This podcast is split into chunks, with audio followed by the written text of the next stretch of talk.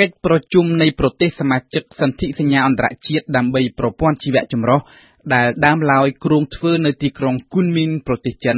បានលើកមកធ្វើនៅទីក្រុងរ៉ូមប្រទេសអ៊ីតាលីវិញ ដោយសារតែបញ្ហាមេរោគកូវីដ -19 បើកទ្វារកាលពីថ្ងៃច័ន្ទទី24កុម្ភៈ ប្រទេសសមាជិកទាំង 135 ប្រទេស មានពេលរហូតដល់ថ្ងៃទី29កុម្ភៈដើម្បីតាក់តែងឲ្យបាននូវអត្ថបទមួយដែលមានខ្លឹមសារកំណត់កម្មវត្ថុទិសដៅព្រមទាំងអនុសាសន៍ជាវិធានការចាំបាច់ដើម្បីអភិរក្សនិងស្រោចស្រង់ឡើងវិញនូវប្រព័ន្ធជីវៈចម្រុះទូទាំងពិភពលោក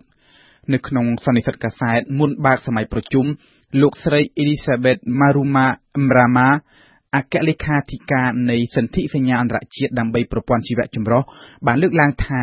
ពេលនេះជាពេលបន្ទាន់ដែលត្រូវតែមានការបោះជំហានទៅមុខក្នុងការជជែកគ្នា លោកស្រី Anne Larigauderie នាយកប្រតិបត្តិនៃវេទិកាអន្តររដ្ឋាភិបាលដើម្បីប្រព័ន្ធជីវៈចម្រុះ បានលើកឡើងថាមនុស្សលោកយើងច្រើនដំណមកហើយមិនដែលមានសម័យកាលណាដែលបំផ្លិចបំផ្លាញធម្មជាតិច្រើននិងលឿនខ្លាំងដូចសម័យកាលនេះទេ។ គួរកត់សម្គាល់ថាវេទិកាអន្តររដ្ឋាភិបាលដើម្បីប្រព័ន្ធជីវៈចម្រុះ ដែលប្រមូលផ្ដុំដោយអ្នកជំនាញផ្នែកនេះ បានសន្និដ្ឋានកាលពីឆ្នាំ2019កន្លងទៅថា 75%នៃផ្ទៃដីនិង66%នៃផ្ទៃទឹកសមុទ្រត្រូវបានកែប្រែ ឬធ្វើឲ្យខូចដោយសកម្មភាពរបស់មនុស្សពូជសត្វនិងរុក្ខជាតិប្រមាណ1លានពូជកំពុងប្រឈមនឹងការវិនាសផុតពូជ ក្រុមអ្នកជំនាញបញ្ជាក់ថាភាពហិនហោចនៃប្រព័ន្ធជីវៈចម្រុះទាំងនេះនឹងហុចផលអវិជ្ជមានមកលើមនុស្សលោកយើង ដែលរស់រំពឹងទៅលើធម្មជាតិដូចជាខ្យល់ដកដង្ហើម ទឹកសម្រាប់បរិភោគ និងចំណីអាហារជាដើមឡាក់ ហេតុដូច្នេះហើយបានជាក្រុមអ្នកជំនាញបានផ្ដោតក្តីសង្ឃឹមទាំងស្រុងទៅលើការងាររួមគ្នារបស់ក្រុមប្រទេសសមាជិកនៃសន្ធិសញ្ញាអន្តរជាតិដើម្បីប្រព័ន្ធជីវៈចម្រុះក្នុងការជំរុញឲ្យមានវិធានការរួម និងផ្ដល់សន្ទុះដល់ការស្រោចស្រង់ធម្មជាតិ។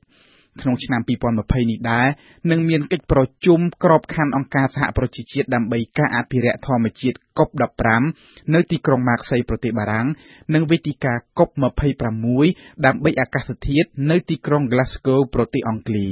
វេទិកាអន្តរជាតិធំធំទាំងនេះគឺជាឱកាសដែលប្រទេសទាំងអស់រួមគ្នាកសាងឆន្ទៈក្នុងការស្រោចស្រង់ធម្មជាតិនិងប្រព័ន្ធជីវៈចម្រុះ សូមបញ្ជាក់ថាកាលពីពាក់កណ្ដាលខែមករា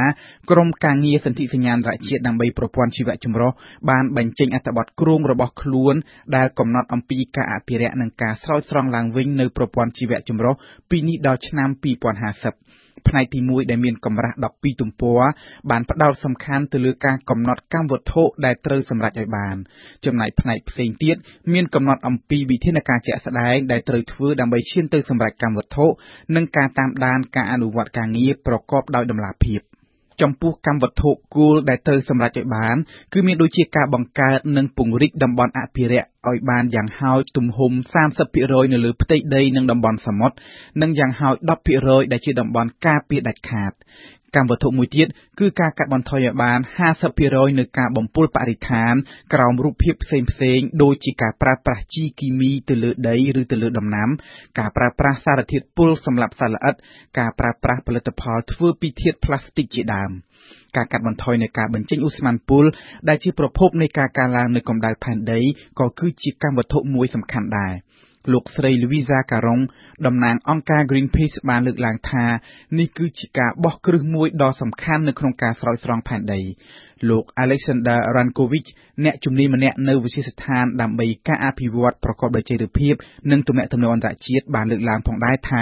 កម្មវត្ថុទាំងនេះគឺជាមូលដ្ឋានគ្រឹះដែលប្រទេសសមាជិកត្រូវតែគោរពឲ្យខាងតែបាន។ ដោយឡែកលោកស្រី Lilin មន្ត្រីជំនាញរបស់អង្គការ WWF International បានលើកឡើងថា ខ្លឹមសារគោលនៃកម្មវត្ថុនេះមិនបាននិយាយចូលឲ្យស៊ីជម្រៅដល់មូលហេតុនៃការខូចរិចរិលនៃប្រព័ន្ធជីវៈចម្រុះឡើយ ជាក់ស្ដែងដូចជាប្រព័ន្ធផលិតចំណីអាហារ និងទម្លាប់ប្រើប្រាស់ទំនិញគ្រប់សពសារពើរបស់មនុស្សសម័យទំនើប លោកស្រីបន្ថែមថា បង្អង់ការបំផ្លាញប្រព័ន្ធជីវៈចម្រុះមិនទាន់គ្រប់គ្រាន់ទេ គឺត្រូវរៀបចំកសាងបង្កើតឡើងវិញនូវដែនជម្រកធម្មជាតិសម្រាប់សត្វនិងរុក្ខជាតិទាំងអស់ចំណែកលោក Li Shua មកពីអង្គការ Greenpeace បានលើកឡើងថា លោកសង្ឃឹមថាអត្ថបទថ្មីដែលគេកំពុងតែចរចាគ្នានៅក្នុងក្របខ័ណ្ឌសន្ធិសញ្ញាអន្តរជាតិដើម្បីប្រព័ន្ធជីវៈចម្រុះនេះនឹងមានភ្ជាប់មកជាមួយនូវការតាមដានបូកសរុបការងារឲ្យបានខ្ជាប់ខ្ជួន